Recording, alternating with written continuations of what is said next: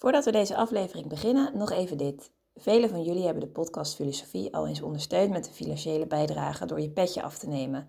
Daar zijn we super blij mee en daarmee draag je ook echt iets bij en maak je onze podcast mede mogelijk. Zo ook Boy en Jan die recentelijk hun petje af hebben genomen. Super veel dank daarvoor.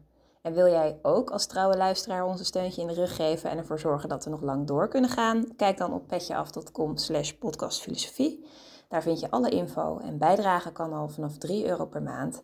En het biedt ook leuke extra's op, zoals bijvoorbeeld toegang tot onze bonusafleveringen. Maar voor nu, veel plezier met deze aflevering. De menselijke natuur is geen machine die men naar een model kan bouwen en precies dat werk kan laten doen waarvoor hij gemaakt is, maar een boom die naar alle kanten moet kunnen uitgroeien en zich moet kunnen uitbreiden in overeenstemming met de innerlijke krachten die er een levend ding van maken. Op deze manier drukte de Engelse filosoof John Stuart Mill uit dat de mens de vrijheid moet hebben om zijn eigen individualiteit te kunnen ontdekken. Wat houdt Mills beroemde schadebeginsel in? Hoe komt in zijn denken zowel de verlichting als de romantiek terug? En waarom was hij een warm pleitbezorger van gelijke rechten voor man en vrouw? Over deze vragen en nog veel meer gaan we het de komende drie kwartier hebben.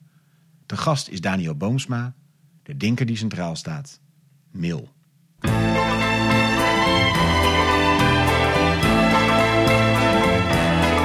Vers les docks où le poids et l'ennui me courbent le dos. Ils arrivent Dag, goed dat je weer luistert naar een nieuwe aflevering van de podcast Filosofie van het Centre Erasme. School voor Filosofie in Zuid-Frankrijk, Vlaanderen en Nederland. Ik ben Allard Amelink en het concept van deze podcast is wel bekend. Een hoofdgast, een presentator en een sidekick. En in 45 minuten duiken we in het denken van één filosoof. Vandaag iets verderop in Utrecht zit Jozef Vaanders. Hallo, hallo. We hebben wat uh, gepuzzel met de techniek gehad om het allemaal bij elkaar te krijgen, maar het is gelukt. Het heeft, dus, uh, het heeft ongeveer een uurtje geduurd. Precies, maar dat, uh, dat hebben we allemaal over voor een mooie opname. En onze hoofdgast van vandaag is Daniel Boomsma. Hij studeerde rechten en staatsrecht aan de Universiteit van Amsterdam. Werkte onder andere als wetenschappelijk medewerker bij de Hans van Milo Stichting, het wetenschappelijk bureau van D66. En is momenteel speechschrijver op een ministerie. Daniel, welkom in de podcast. Fijn om er te zijn. Waar zit jij eigenlijk? Uh, ik zit in Amsterdam. Kijk, heel goed. Dus Utrecht en Amsterdam zijn verbonden om het vanavond te gaan hebben over John Stuart Mill. Uh, John Stuart Mill was een Engels filosoof en econoom die leefde van 1806 tot 1873. Hij is bekend als utilitarist, een stroming die begon uh, met zijn peetoom Jeremy Bentham. En zijn bekendste werk van, van John Stuart Mill is On Liberty en dat stamt uit 1859. En Daniel, ik denk een van de bekendste elementen uit het denken van Mill, en dat komt volgens mij uit On Liberty, is het zogenaamde harm principle, het schadeprincipe. Uh, wat houdt dat in en welke plek neemt dat in in het denken van Mill? Ja, dat is een beetje zijn, zijn vlaggenschip, uh, waar hij ook het meest uh, bekend om staat. Um, en dat houdt eigenlijk in, het is een heel simpele gedachte, de vrijheid van, van het individu um, uh, houdt op daar waar uh, het individu schade berokkent aan, aan iemand anders. Um, en eigenlijk de enige reden om iemands vrijheid te beknotten of te begrenzen is dat uitgangspunt. En dat klinkt nu heel gewoon, denk ik. Althans, de meeste mensen zeggen wat een volkomen redelijk uitgangspunt. Maar het was zeker in zijn tijd was dat best wel een, een radicaal punt. Want het betekende ook dat je heel veel dingen die in um, Victoriaans Engeland, de, tijd dat hij, uh, de periode waarin hij groot werd als, als, als denker, uh, dat, dat die eigenlijk in wezen theoretisch op de helling kwamen te staan. Dus het was een, um, uh, ja, dat had nog wel wat gevolgen, die gedachte. Ja, maar hij is eigenlijk heel overzichtelijk, ja, zijn, uh, dat kernidee. Ja, en, en hoe kwam hij tot, dat, tot deze gedachte? Want wat je zegt, Naat, staat haaks op de denken in zijn tijd. In welke zin breekt dat met de denken in zijn tijd? En wat bracht hem dan tot deze gedachte? Nou, het, je moet het echt zien in de context van, van Victoriaans Engeland. Dus echt wel een, een tijd van strenge zeden. Uh, een tijd van ongelijkheid tussen man en vrouw ook. Uh, en een, een, een, een periode waarin Mill vond dat er een enorme, uh, enorme, een enorme uh, gevaar voor, voor conformisme op de loer lag. Dus in die context heeft hij dit uitgangspunt ook geformuleerd. Het is natuurlijk, eigenlijk in wezen is dat de hele kern van On Liberty, is dat het een verdediging is van, van niet alleen individuele vrijheid in de negatieve zin, maar ook de, uh, de mogelijkheid om vrijheid te claimen op een maatschappij die daar misschien helemaal niet op zit te wachten. En ook eigenlijk heel veel stille grenzen in de vorm van, van wat, we vroeger, wat vroeger dan zeden werden genoemd, maar ook wel uh, ja, stille sociale wetten. Um, dat daar eigenlijk, ja, dat die heel veel grenzen, die samenleving heel veel grenzen leg, oplegde aan, aan het individu. In die context komt hij tot dit idee, omdat hij vond dat, dat die, die grenzen veel te nauw waren. Een soort corset eigenlijk. Uh, daar wilde hij een, een, een, een, een heel andere manier van denken tegenover stellen. En dat schadebeginsel is verrassend simpel eigenlijk. Uh, het, het, is, ja, in die zin past hij heel erg goed in, in, zo'n, in de traditie van, van verlichtingsdenkers die met een simpele, ogenschijnlijk simpele beweging allemaal spinnenwebben weghalen en, uh, en tot de kern komen. Um, en dat is dit idee, dat, dat ja, to prevent harm to, other, to others is eigenlijk het, het, het enige uitgangspunt waarmee je kan zeggen, en op die grond mag je de vrijheid van, van mensen mag je, mag je beperken. Met natuurlijk de grote vraag, uh, ik denk dat, dat iedere luisteraar meteen zegt, ja, maar wat is dan, wat is dan schade? Een heel ja, en wie bepaalt vraag. wat schade is. Ja. En wie bepaalt wat schade is, ja. Uh, en dat is, dat is daarmee, ja, daar open je meteen een, de doos van Pandora van, van heel veel decennia filosofie. Uh, waarin ja, wordt betwist wat dat dan precies is. Uh, maar in die tijd was het, het was natuurlijk een heel andere, heel andere tijd dan nu. Uh, godslastering. Um, het was een heel felle, waren ook, ja, bijvoorbeeld de, de zeden, de, de, de morele wetten van, van een samenleving mocht je eigenlijk niet in het minste of geringste bevragen. Dus het is een heel andere tijd ook. Uh, in die zin moet je daar ook aan spiegelen. Het is niet alleen harm in de zin van. Uh, je moet meteen denken aan Oliver Wendell Holmes, dus een, een, een Amerikaanse jurist die zei van mijn vrijheid uh, om mijn vuist te zwaaien houdt op waar jouw neus begint. dat is natuurlijk een heel concreet en een heel redelijk uitgangspunt. Um, maar is het, ja, mag je ook zeggen van ik vind de koning een, uh, een mafkees. Uh, die deze samenleving uh, allerlei schade berokkent met zijn, met zijn idiotie. Weet je, zo'n zo'n felle uithaal naar, het, naar bijvoorbeeld de, monarchie of iets dergelijks. Dat is in die tijd natuurlijk een, een volkomen radicale gedachte. Dus ik denk dat je hem zo, dat je die kerngedachte daarin moet plaatsen.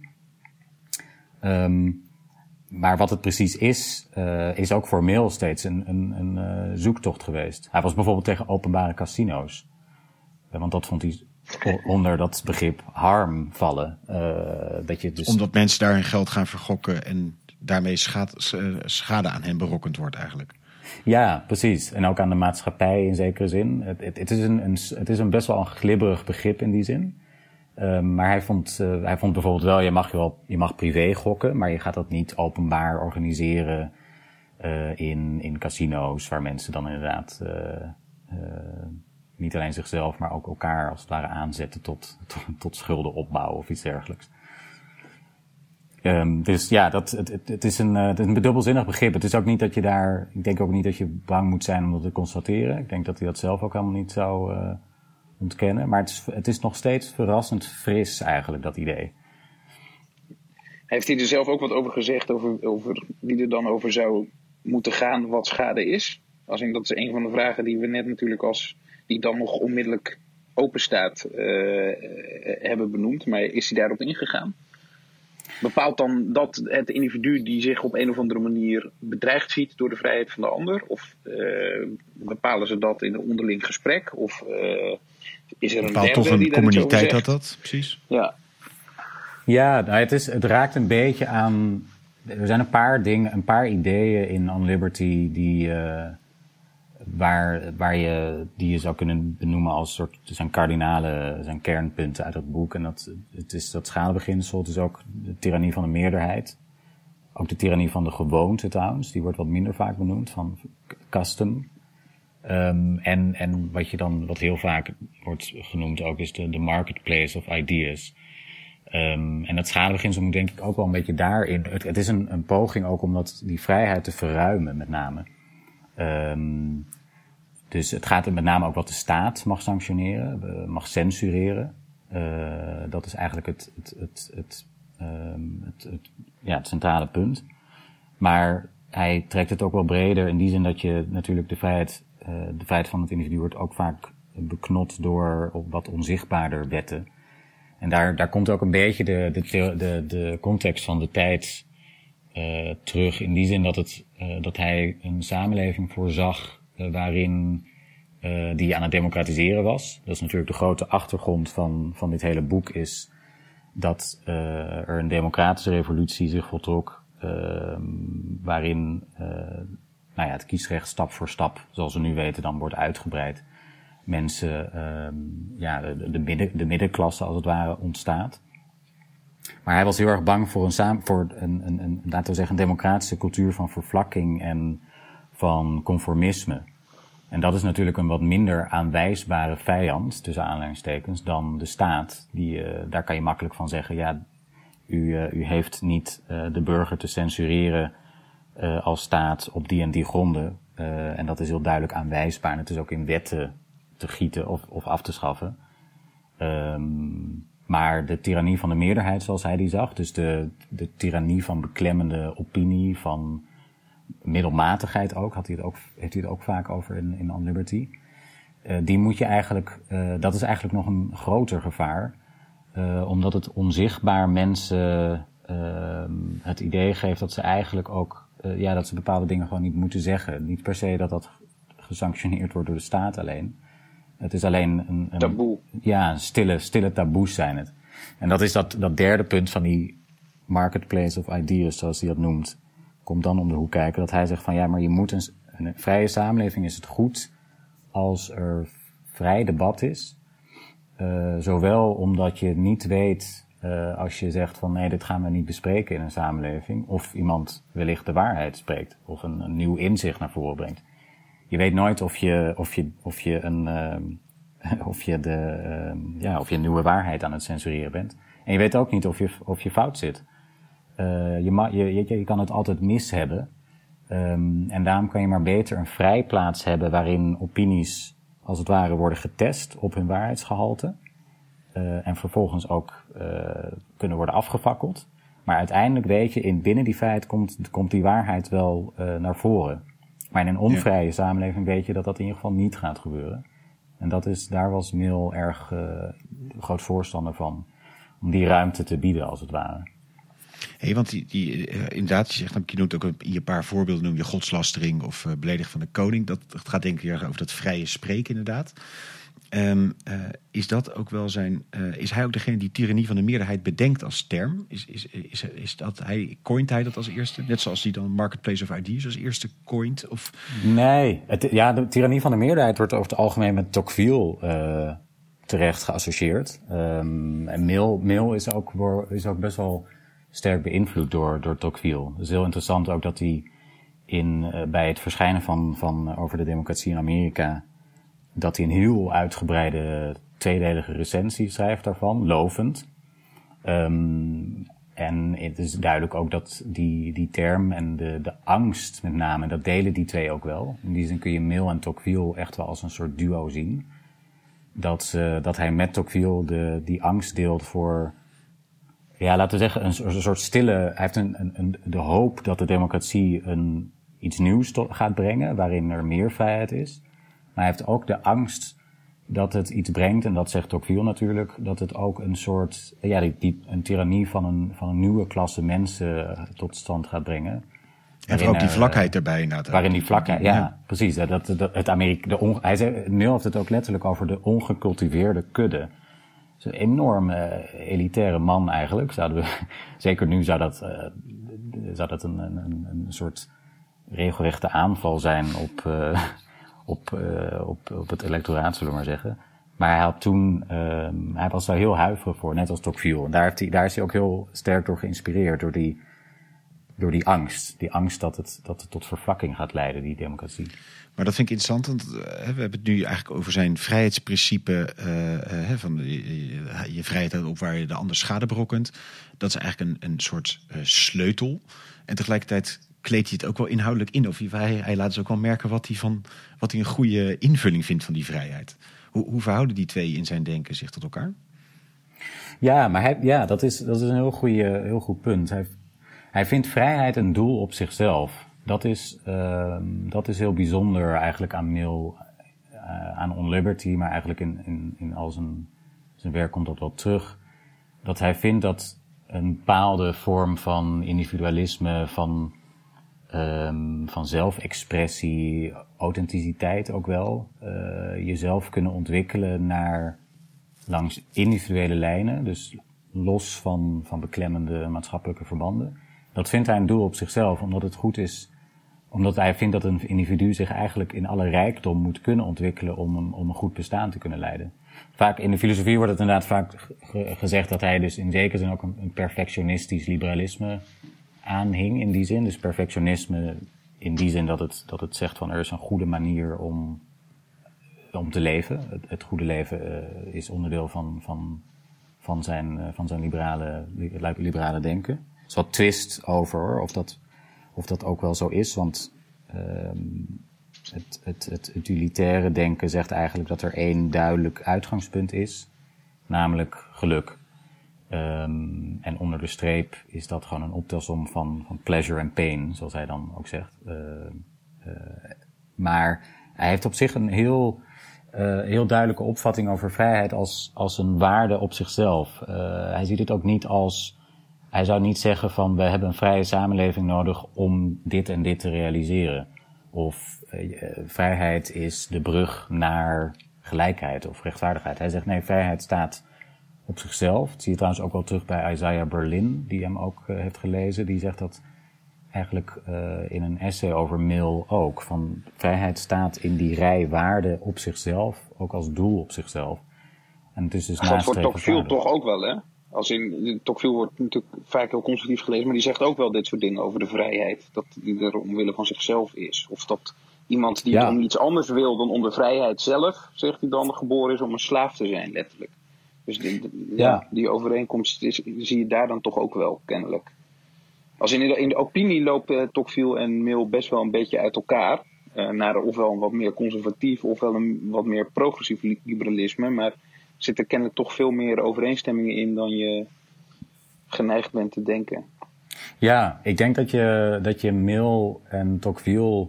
En Tocqueville heeft het inderdaad ook over um, vrijheid en gelijkheid met name inderdaad. De verhouding daartussen in, uh, in het Amerika van, van de 19e eeuw.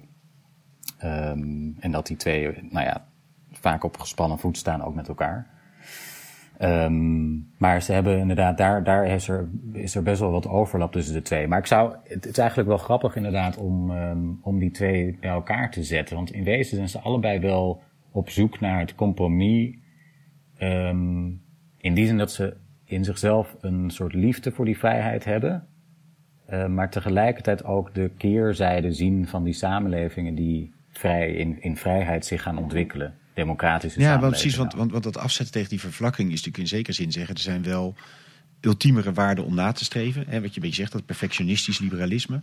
Is hij daar in die zin transparant over dat hij zegt van ja, weet je, de, de vrijheid is een doel in zichzelf. Daarnaast is dit belangrijk, zeg maar. Heeft hij, zet hij er andere waarden naast dan die expliciteert? Nou, hij, laat meer zien, in, in On Liberty laat hij vooral zien um, dat, um, en daar, daar is hij eigenlijk misschien ook wel een soort van grondlegger van een, van een, een herijking van, van het liberalisme. Dat hij laat zien dat vrijheid niet alleen uh, negatief is, dus de afwezigheid van allerlei uh, um, barrières. Uh, en dit is wel echt een punt wat heel duidelijk met On Liberty wordt geassocieerd, dat het over negatieve vrijheid gaat. Maar ik vind dat eigenlijk zelf altijd, deels is dat waar, maar deels is het ook um, is het, uh, zet hier een aantal waarden die uit die vrijheid voortvloeien naast. En dat zijn vrij romantische ideeën ook. Over, hij, hij omschrijft ook op een gegeven moment ergens in het boek uh, het beeld van het individu dat zich als een soort boom met allerlei vertakkingen moet kunnen ontplooien. Um, dus ontwik ontwikkeling is ook een soort sleutelterm uh, in die zin. Um, dus hij, hij, maakt het vrijheidsbegrip ook wat rijker. In die zin kun je hem ook wel zien als een grondlegger van een bepaalde vorm van, van, van liberaal denken die uh, minder plat klassiek is. Dus in de zin van de, de vrijheid tot ja, de negatieve vrijheid. Maar het, het vrijheidsbegrip eigenlijk meer ja, een soort rijkere inhoud geeft. Ik denk dat je zo vooral naar, naar, zijn, uh, naar dat on liberty moet kijken. Um, en tegelijkertijd die kant waar we net, die kant waar we het net over hadden, conformisme. Ja, de, de, de, de despoten die overal in de samenleving uh, uh, je willen dwingen tot, tot, tot gedrag dat overeenkomt met wat de meerderheid wil. Dat, dat zit er natuurlijk ook in. Um, maar die andere kant evenzeer. En die wordt eigenlijk ook wel misschien een beetje te weinig uh, benoemd. En, en, en, waar komt die kant vandaan? Dat zit inderdaad, je noemde eerder even het utilitarisme. Komt het uit die kant, uit dat denken ook voort? Dat, uh, die ontplooiing bijvoorbeeld zo? Hè? Is, dat, is dat zoeken naar die ultieme balans tussen pleasure en pain, zeg maar?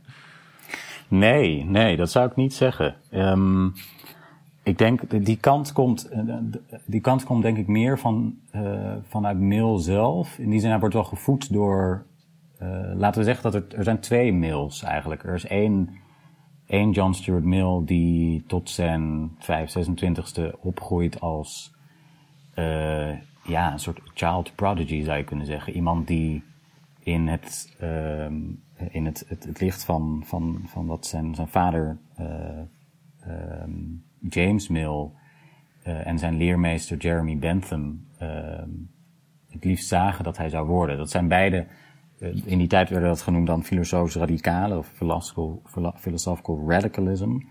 Dat waren, ja, laten we zeggen, voort exponenten van de verlichting die Engeland wilde hervormen, sociaal, democratisch ook. Um, Bentham was daarin heel, ja, een heel invloedrijk figuur. En die twee hebben hem ja, bijna projectmatig opgevoed.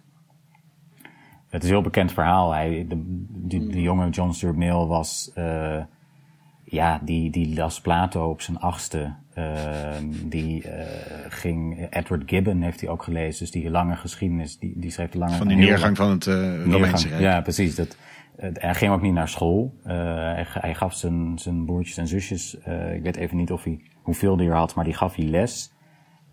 Ik weet volgens mij was het ook zo dat hij, um, dat heeft hij later opgeschreven, dit, dit deel van zijn opvoeding in zijn autobiography. 1873 geloof ik was dat uh, na zijn overlijden. Aan het eind van zijn leven moet ik zeggen. Dat hij in een eerdere versie ook zei van ja, ik heb ook tot mijn twaalfde, op mijn twaalfde leerde ik pas mijn veter strikken. Maar daarvoor kon hij al uh, dus dat klassieke lezen. Al. En daarna, daarvoor had hij dus ook al, met, met de kleine kanttekening wel, dat in die tijd, dat het, het is, nu klinkt het absurd. Toen was het ook ongewoon, maar het was ook weer niet zo ongewoon. Er waren best wel veel jonge jongens dan wel. Uh, voor meisjes was dat absoluut niet uh, een optie. Die, die echt, echt een extreem gedisciplineerde leeslijn of ja, gewoon een, een soort leesopvoeding kregen ook. Dus en, en, misschien waar, en, en, misschien waren er ook wel minder geveterde schoenen toen. Dat kan ook nog een uh, factor Ja, van die, met die hakjes en zo. Dat zou, Precies, uh, dus, dus dat veetstrik ook minder nodig was. Maar je maar, zegt nou, dit is een beetje de, de, de vroege mail, zeg maar. En ja. er zit dus op een gegeven moment, en, en die is nog heel erg in lijn met dus zijn vader en met Jeremy Bentham. En die is dan ook heel strak in dat utilitarisme uh, geworteld, zeg maar. Ja, de eerste 26 jaar, 25 jaar van zijn leven is dat gewoon, uh, is dat de kern van, van, van wat hij schrijft en wat hij denkt. Hij neemt dat eigenlijk over. Uh, Bentham zegt eigenlijk, je hebt één ethisch uitgangspunt en dat is dat je moet streven naar uh, zoveel groot mogelijk geluk voor zo, zoveel mogelijk mensen. Um, en hij, dat is het utility begrip eigenlijk, het, het alle, alle ethische de, belangrijkste ethische meetlat is dat uitgangspunt. Het grootst mogelijk geluk voor het grootst mogelijk aantal mensen. Um, en Mill lepelt dat gewoon op. Maar op een gegeven moment, um, als hij dus midden twintig is, dat, dat vind ik zelf, de, dan wordt Mill fascinerend. Um, dan, dan krijgt hij een soort mental breakdown. Uh, zo noemt hij het trouwens zelf in zijn autobiografie. Zouden Misschien ook zeggen, iets met zijn opvoeding te maken, als je het ja, zo hoort. Hè? dat zegt hij ook. Ja, het was een, ja, het is echt het, het, het, een soort van tekstboek voor een probleemkind. Van een totaal emotioneel afgestomd, eh, eh, af, afgestomde eerste twintig jaar. Ehm, of in ieder geval die opvoeding. eh, waarin hij ja, een deel van zijn ontwikkeling totaal is miskend. Ehm Jij heeft niet eens leren cricket spelen. Voor een Brit is dat ook wel een ding. Maar hij, heeft, hij, hij breekt dan eigenlijk precies op dat punt van ehm, eh, dat hij eh, die kant eigenlijk totaal niet ontwikkeld heeft. Ehm, dus de emotionele kant. En hij gaat dan, dat, dat vind ik persoonlijk heel mooi aan Mill, dat hij dan eh, breekt. Hij stelt zichzelf eigenlijk de vraag, schrijft hij ook weer terugblikkend, van ja, wat als al die hervormingen die mijn vader en, en Bentham, als die gerealiseerd worden, eh, wat, weet je, wat dan? Ben ik dan gelukkig? En dan zegt hij nee, helemaal niet. En dan stort hij volkomen in eigenlijk van, ja, wat, waar, waar doe ik dit, dit waar, waar, waar ben ik dan toe op aarde? Eh, ben ik een product van, van twee Engelse hervormers die in mij hun opvolger zagen? Of zit er nog een beetje ruimte, is er nog ruimte voor John Stewart? Eigenheid. Ja, Ja. Opeens neigt hij dan een beetje naar de romantiek. Naar, naar zoeken naar het zelf en de authenticiteit. Ja. Terwijl hij helemaal als een soort verlichte calculus is grootgebracht. Zo, zo, zo, zo klinkt het een beetje. Ja, dat is het ook wel. Die, calc- die Bentham werd ook wel een beetje zo gezien. Die had, ook, die had ook letterlijk een calculus, een soort filosofisch idee van zo kun je het geluk van mensen meten. Hij wordt een beetje, vind ik wel, eh tekort gedaan. Ik vind, Bentham was echt een enorme filantroop ook. Dus het was wel een man die echt begaan was met, eh, met de armen bijvoorbeeld. Het jouw industrieel Engeland. Het was, niet een, een, was een tijd met enorm veel eh, misstanden en, en, en onrecht. Eh, dus dat, daar wordt hij wel een beetje als een soort van extreme rationalist weggezet. Maar voor een deel was het ook wel waar. En Mill gaat dan inderdaad, die wendt zich tot de romantiek. En dat is eigenlijk ook wel een kernpunt uit zijn filosofie trouwens.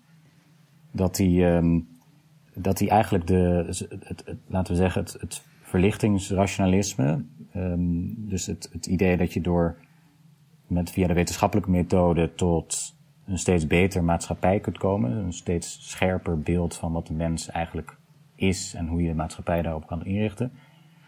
Eh, dat, dat verweeft hij dan met een soort, ehm, met, het romantisch, met een aantal romantische ideeën over eh, zelfexpressie, eh, echt individualiteit. ehm, eh, En, en, ja, en, en welke, zelf. Ja, en in welke van de twee plaats je dan die vrijheid? Zit die aan die, aan die verlichtingsrationele kant of aan die romantiek kant? Allebei. Dat is, dat is in ieder geval zijn poging. Je kunt je afvragen of dat geslaagd is, maar het is evident dat On Liberty en ook zijn eigen utilitarianism, want hij heeft daar ook zelf over geschreven, dat dat, bij, dat dat zowel wordt gevoed door het idee van de mens die kan, rationeel kan kiezen, als ehm, het romantische idee van persoonlijke ontplooiing, expressie, levensvervulling, ehm, eh, ja, bijna, bijna een soort spiritueel idee van het individu dat eh, een soort lotsbestemming in zich draagt. Eh, dat, dat probeert hij te combineren. Hij, hij probeert ook een beetje de. Ja, hij probeert eigenlijk twee dingen te verenigen waarvan je zou kunnen zeggen of die te verenigen zijn. Maar ik vind in On Liberty eigenlijk. Dat zegt hij natuurlijk niet zelf in een voorwoord. Eh, Hij zal nooit zeggen: ik, I've tried to, of ik heb geprobeerd om de verlichting en de romantiek bij elkaar te brengen. Maar dat is toch wat hij doet. En ik vind het mooist. Ik, ik kwam daar zelf. eh, het, het grappige was toen ik voor het eerst Mill begon te lezen, was dit punt. eh, dus laten we zeggen, zijn ontdekking van de roman- romantiek was mijn eerste kennismaking met hem. Want ik kocht. ik, ik heb ooit zijn verzamelde essays. Heb ik gekocht eh, nog bij de Oude Manhuispoort. Dat is de faculteit, rechtfaculteit zat daar ja. in. ehm, In destijds. Ja, ja. prachtig, prachtig plekje trouwens. Met een, een, een onderdoorgang waar eh, boekenverkopers echt eh, eh, een geweldige collectie aan, aan werk hebben. En daar lag, zag ik dat liggen. Ik kocht dat boekje. En ik las een essay on Coleridge, dat daar ook in stond. Coleridge is een, een Engels is een dichter. Ehm, en hij schrijft dat essay in 1840 ehm, met eigenlijk nou ja, 20 jaar na die mental breakdown waar, waar we het net over hadden. En hij schrijft eigenlijk lyrisch over Coleridge. Hij zegt eigenlijk, ja, ik heb altijd Bentham, eh, de rationele eh, inderdaad de rekenmachine in Bentham heb ik gelezen. Maar uh, Coleridge vertelt de halve waarheid, uh, die andere helft, die ik eigenlijk nooit hm. goed heb gezien. Die heeft het over de ziel, die heeft het over God, die heeft het over geschiedenis trouwens ook. De, ja, de soort, laten we zeggen, de, de vormende kracht van, van de geschiedenis op, op, op, op de mens. Hij heeft het over het geweten. Um, en Coleridge is een enorme conservatief ook. Dus in, in politieke zin is het een best wel een gekke, gek, gekke gewaarwording dat hij daar een essay dan schrijft waarin hij lyrisch is over een man die eigenlijk niks moet hebben van de democratie, ook de moderniteit, of laten we zeggen de modernisering van Engeland, um, daar vrij vijandig tegenover staat. Maar hij zegt eigenlijk, ja, die Coleridge heeft, uh, die wijst mij uh, op een soort poëtische kant aan aan wat de mens is. En dat is meer dan wat Bentham mij heeft, uh, heeft aangereikt. Ja. Mooi. Dus dat is, wat, ja, wat ik me afvraag, doet dat ook iets met zijn vrijheidsbegrip? Als in dat, dat vrijheidsbegrip is, hè, dat wat, wat je net als het vlaggenschip van Mill duidde, is natuurlijk nog van die vroege fase, van die heel erg uh, door, door uh, het Bentham en, en, en het verlichtingsdenken gevormde mail? Of zit dat al verder daarna? Is dat al na die romantische wende, tussen aanhalingstekens ook, toch wel? Nee, dat, ja, precies. Het is juist, het is, uh, zijn vrijheidsbegrip is helemaal, is heel sterk gekleurd juist door dit... Uh, oh, ja, dat romantische, het, het zoekende, het, het, het, het, zoeken naar, naar individuele, um, laten we zeggen, vervulling ook wel bijna. Het, het, het, um, uh, dat, die metafoor van die boom, ja. Die zich eigenlijk, ja, die haar. Zo'n romantisch beeld, ja. Ja, ja dat, dat, dat is het grappige. Dat On Liberty uh, en, en ook zijn utilitarianism zijn allebei door, uh, door die romantische wende, vind ik ook wel een leuke formulering. Ja, het is een soort. Weet je, hij stuit op de grenzen van zijn wereldbeeld. Dus je hebt echt de oude mail die. Um, uh, ja, die, die, die, die herhaalt wat anderen zeggen. Wat ironisch is, want hij is echt opgevoed met het idee van saperen oude, gij zult zelf denken. Dat heeft hij ook ter harte genomen, maar hij heeft het daarna eigenlijk helemaal niet kunnen doen. Stiekem had hij zelf ook last van een tyrannieke meerderheid die hem dwong iets uh, te vinden. Ja. Hey, en, en, en dan kom je naar dat, dat uh, utilitarisme. Welke plek neemt dat dan in, uh, in zijn denken? Want dat is dus niet wat zijn vader en Bentham erin hebben gestopt. Welke twist geeft hij daar dan aan? Ja, aanvankelijk, aanvankelijk herhaalt hij wel in zijn eerste jaren wat, wat, wat zijn vader en Bentham zeggen. Maar als hij er zelf over schrijft in in utilitarianism, dus de titel ook van, van het boek of essay wat hij over schrijft, dan breekt hij eigenlijk met de ba, nou, in ieder geval een belangrijk deel van hoe Bentham het zag. Bentham had een bekende uitspraak, ik, ik heb nog even voor de, voor de podcast, dacht ik, ik zoek hem nog even op, want hij zei eigenlijk, Bentham zei eigenlijk, ja, er is geen verschil tussen, tussen pushpin, dat is een kinderspelletje uit die tijd. Ik vraag me niet precies wat, wat voor een spelletje. Uh, geen verschil tussen pushpin en, en poëzie. Um, met andere woorden, het, het, er is geen, uh, geen hiërarchisch onderscheid tussen pleasures, zullen we maar zeggen. Uh, weet je, je kan ja, geen kwalitatief verschil. Geen, precies. En Mill breekt daar in principe mee in zijn, uh, in zijn eigen boek. Of in zijn eigen studie, waarin hij dan zegt van, jawel, dat is wel zo. er zijn wel, pushpin is wel, of althans poetry is wel beter dan pushpin. Um, en herhaalt dat volgens mij met iets van, ja, je kan beter Socrates zijn die, die niet helemaal tevreden is, dan een, een dwaas die ontevreden is. Uh, want je bent je nog altijd Socrates, weet je wel? En Socrates ja, uh, ja, ja. is Socrates. Hoe is je ook weer vertaald? Be beter dan een ongelukkige Socrates en een gelukkige zwijn of zo. zo ja, het is nog wel wat botter, ja. ja, um, en dat was ook, dat zwijn, dat woord zwijn is wel grappig, want er was in de kritiek op Bentham werd ook gezegd, van ja, het is een pig philosophy. Want het gaat eigenlijk, uh, weet je, het is een soort plat beeld van een varken dat, dat gewoon lekker wil, uh, wil rollen in de modder en op zoek is naar, naar pleasures. En als er geen onderscheid is tussen een kinderspelletje en poëzie, ja, dan is dat heel moeilijk te ontkennen ook.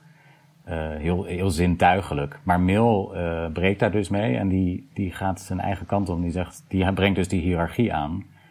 Waarin hij ook zegt van, ja, je hebt gewoon, dat is ook wel een leuk voorbeeld. Want je kan natuurlijk zeggen, ja, dat, dat pleasure pain, laten we zeggen, het, het, happiness uitgangspunt van je zoekt zoveel mogelijk naar geluk.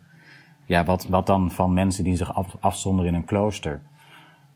Wat is dat dan? Kun je die beoordelen langs die meetlat? En dan zegt Mill, ja, maar die zoeken naar God en dat is ook een vorm van, uh, van, van een soort vorm van geluk. Het is alleen dat, zij, dat hun vorm van geluk zich uit in het afzweren van uh, hedonistische, een hedonistische vorm van, weet je wel, lekker veel zuipen en uh, weet ik veel wat. Dat dat zich zo op die manier uit. Dus hij, hij vindt een soort uitweg uit die, uit, uit, wat, uit die filosofie van, van Bentham en die zijn vader ook aanhing. En geeft daar zijn eigen, zijn eigen draai aan. En dat is allemaal na die romantische, die romantische wende inderdaad, waarin hij Coleridge leest, waarin hij trouwens ook Wordsworth leest, dat moeten we, die moeten we echt wel noemen.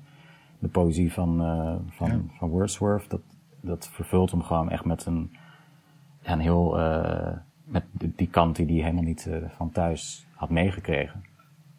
En, En, had, en- ja, precies.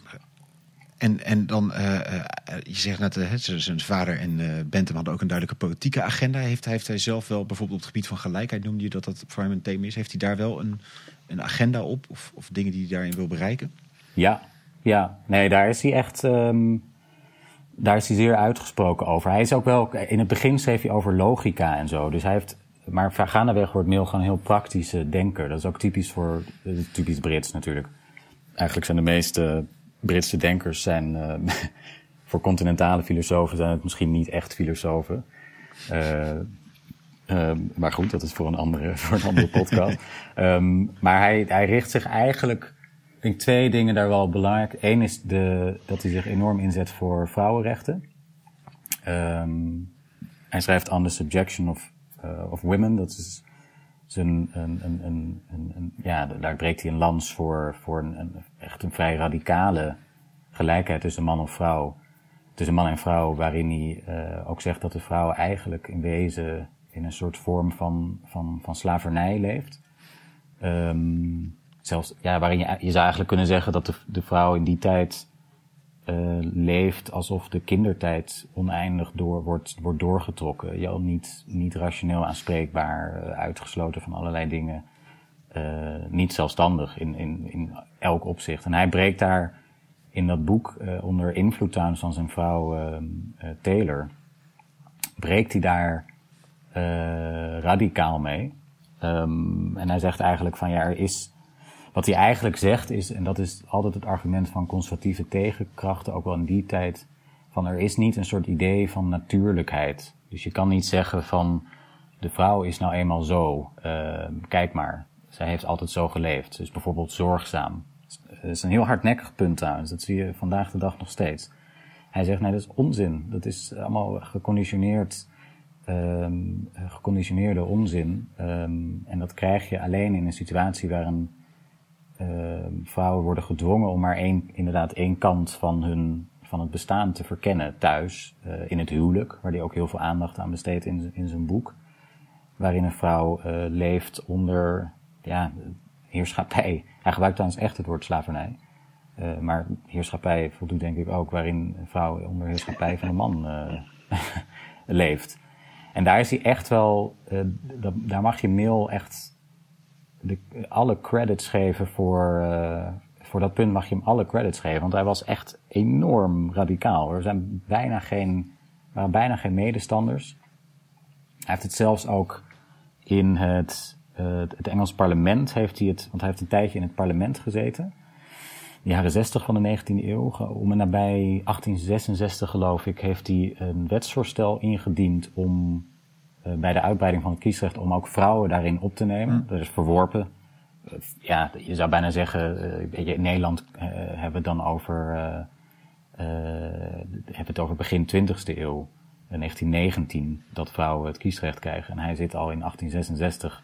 eh, 50 jaar tijd vooruit, zeg maar. Ja, daar, en dat, dat, is, dat is wel een. een daar is hij enorm. eh ja, is hij enorm zijn tijd vooruit. Eh, werd ook wel. Ik vind het wel grappig, want ik zocht voor de podcast, dacht ik, ik zoek nog even eh, voor de grap op hoe daarop werd gereageerd. En er zijn natuurlijk heel veel reacties op van ja, de, de volkomen idioot idee om vrouwen dat kiesrecht te geven. Maar hij werd ook heel erg. Er kwamen heel veel karikaturen van hem. Dus hij werd ook heel vaak in kranten afgebeeld met, met een jurk aan. En een parasol. En van dit is de, de, de feminine philosopher.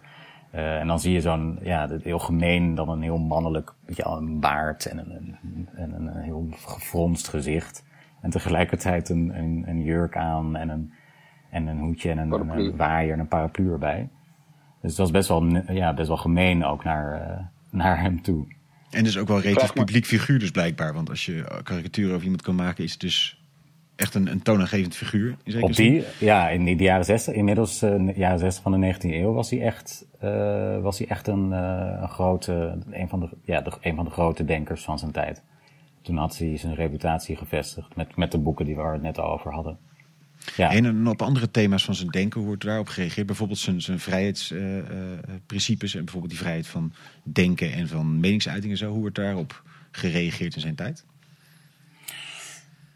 kritisch op zich. Um, ook wel veel lof. Ik, ik vind het ook wel grappig hoe On Liberty um, wordt heel, bijvoorbeeld heel snel in Nederland wordt heel snel vertaald en wordt echt een soort lijfboek van allerlei liberalen. Dus wordt ook echt, wel goed, heel breed, goed ontvangen. Um, de kritiek erop, er is ook heel, ja, heel veel kritiek op. Maar ik denk dat uh, de, grappig genoeg is dus de hardste kritiek bijvoorbeeld op On Liberty kwam van, uh, kwam na zo ongeveer, ik geloof na zijn dood, uh, van, van Fitzjames Stephen heette dat, is een Engelse jurist. Die er echt een, een, tot op de dag van vandaag, dat, het boek wat hij, wat, wat in reactie op On Liberty, wat hij in reactie daarop schreef, heet uh, Liberty, Equality en Fraternity. Gewoon de drie slag van de Franse revolutie. En die zei eigenlijk van ja, je kan niet een harde grens trekken tussen wat iemand zelf aangaat ten aanzien van dat schadebeginsel en wat een ander aangaat uiteindelijk is dat toch een soort verstrengeling. Uh, en hij brak ook een lans voor de publieke moraal. Dat is ook iets wat je moet verdedigen. En als je mail schadebeginsel doortrekt, dan, dan gaat die publieke moraal er wel een beetje aan. Want uh, ja, in theorie in ieder geval kan je daar heel veel, uh, heel veel vrijheid bieden aan mensen. Maar dat ja, was en nee dus, want wat, wat, wat, dat gokhuis vond hij dus weer niet goed. Dus... Ja, dat is dan weer dubbel. Ja. ja, er zit ook wel een soort dubbelzinnigheid in hoor. Het is ook wel, kijk, het, het On Liberty is, het, het, wordt nog steeds, wordt dat gebruikt, het wordt nog steeds betwist. Het is ook niet een, um, uh, in die zin is het zo'n kernpunt van, van vrijheidsdenken geworden. Um, dat het, uh, ja, dat het ook niet iets is wat je, wat in die tijd uh, zo ongeveer wel beslecht is en, en dat was het dan. Um, dus dat moet je er eigenlijk ook wel bij zeggen. En de dubbelzinnigheden, is, dat is helemaal waar. En daar moet je echt, ja, dat, dat blijft toch ook wel context, tijd, uh, de tijdsgeest. Ik denk als je dingen van nu zou, uh, de vrijheden die wij nu hebben aan Mil zou voorleggen, hm.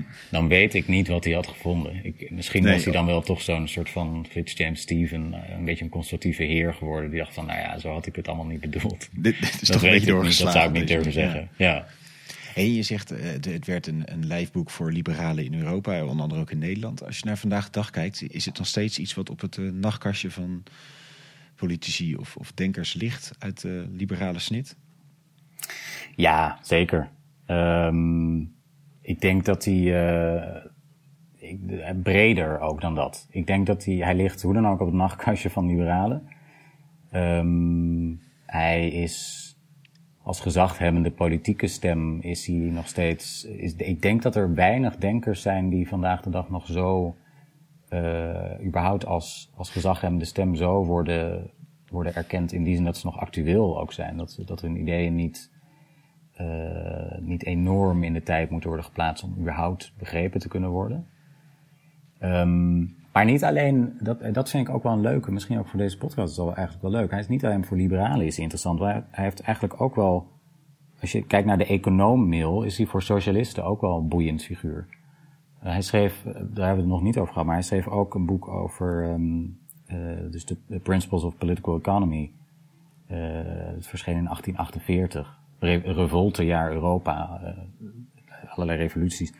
Um, en dat is op zich, is dat, de eerste editie is op zich een, een, een soort, ja, dat gaat even over economische processen, productie, herverdeling, rol van de staat enzovoort. Maar vanaf de derde editie, ook weer onder invloed van zijn vrouw trouwens, die moet echt wel weer genoemd worden, wordt hij echt wel een beetje een soort, dat zegt hij ook, een, hij noemt zich dan op een gegeven moment ergens een ideal socialist, waarin hij in dat boek um, ja, een soort land spreekt voor uh, jullie dan ook staatsingrijpen, maar ook een soort, een, een soort gedecentraliseerde vorm van socialisme.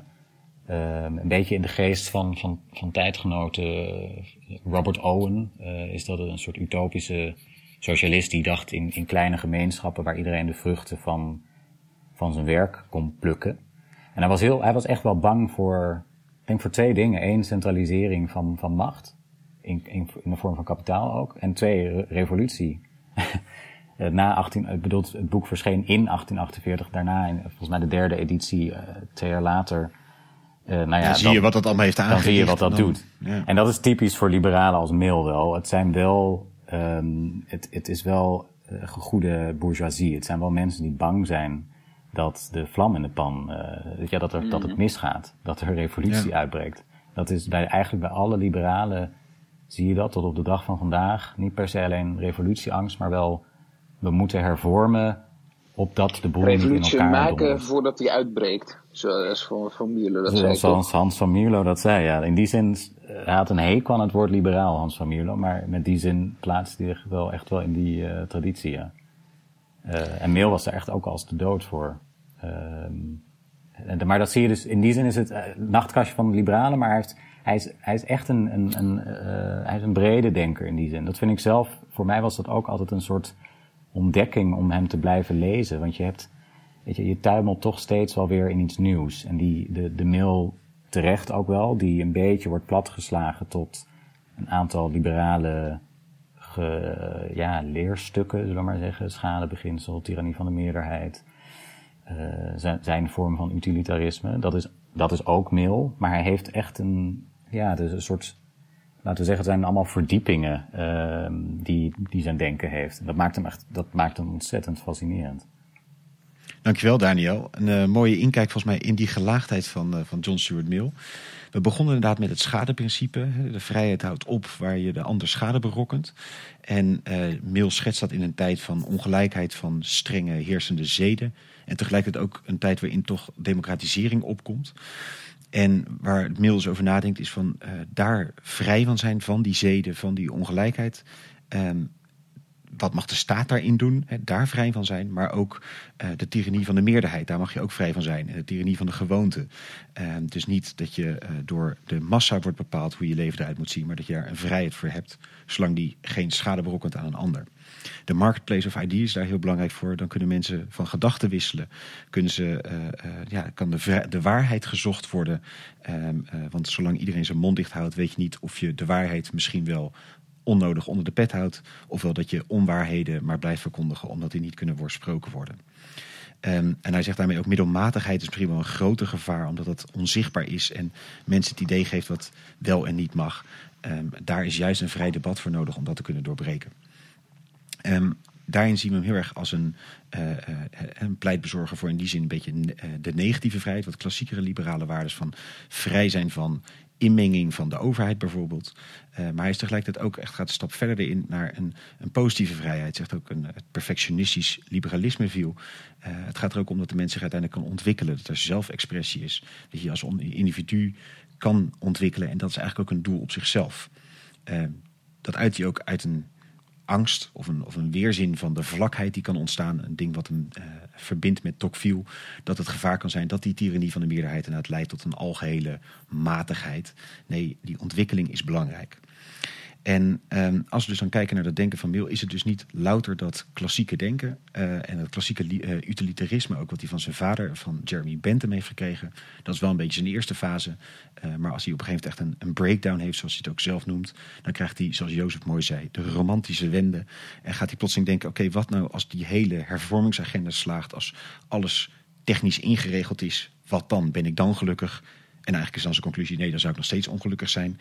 En dus ontdekt hij een romantische kant, waar ook die ontwikkelingskant uit voortkomt. Waar dat idee vandaan komt: het is niet alleen maar die negatieve vrijheid, nee, er moet ook ruimte zijn voor je als mens te ontwikkelen. Uh, Coleridge ontdekt hij bijvoorbeeld als dichter. En hij wordt uh, heel erg aangesproken door, uh, door zijn werk.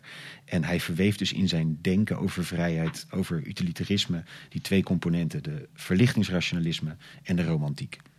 Ehm, waar zien we dat bijvoorbeeld terug in het utilitarisme? Nou, Bentham zegt uh, ja, kinderspel en, en poëzie is eigenlijk hetzelfde. Weet je, als het maar geluk levert, kunnen we ze gewoon op gelijke voet scharen.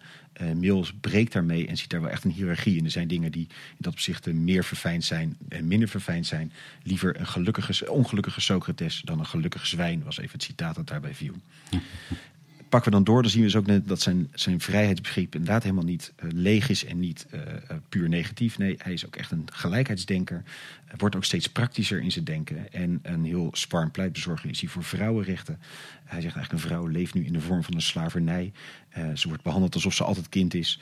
Uh, en daar breekt hij heel radicaal mee. Doet een voorstel voor vrouwenkiesrecht. Uh, onder andere onder aanvoering van zijn eigen vrouw Taylor. En ook op sociaal gebied wordt hij ja, radicaler. een ideal socialist noemt hij zichzelf. Hij breekt een land voor staatsingrepen om juist ook die gelijkheid te bewerkstelligen.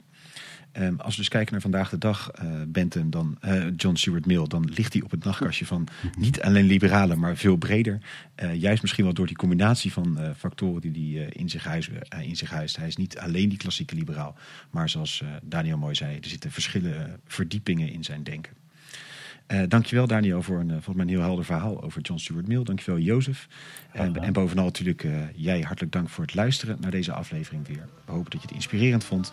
En laat ons vooral weten wat je ervan vond. Want dat vinden we altijd leuk om te weten. En kun je een recensie achterlaten in je podcast app. Doe dat dan ook zeker. Dankjewel. Emmenez-moi au bout de la terre, emmenez-moi au pays des merveilles. Il me semble que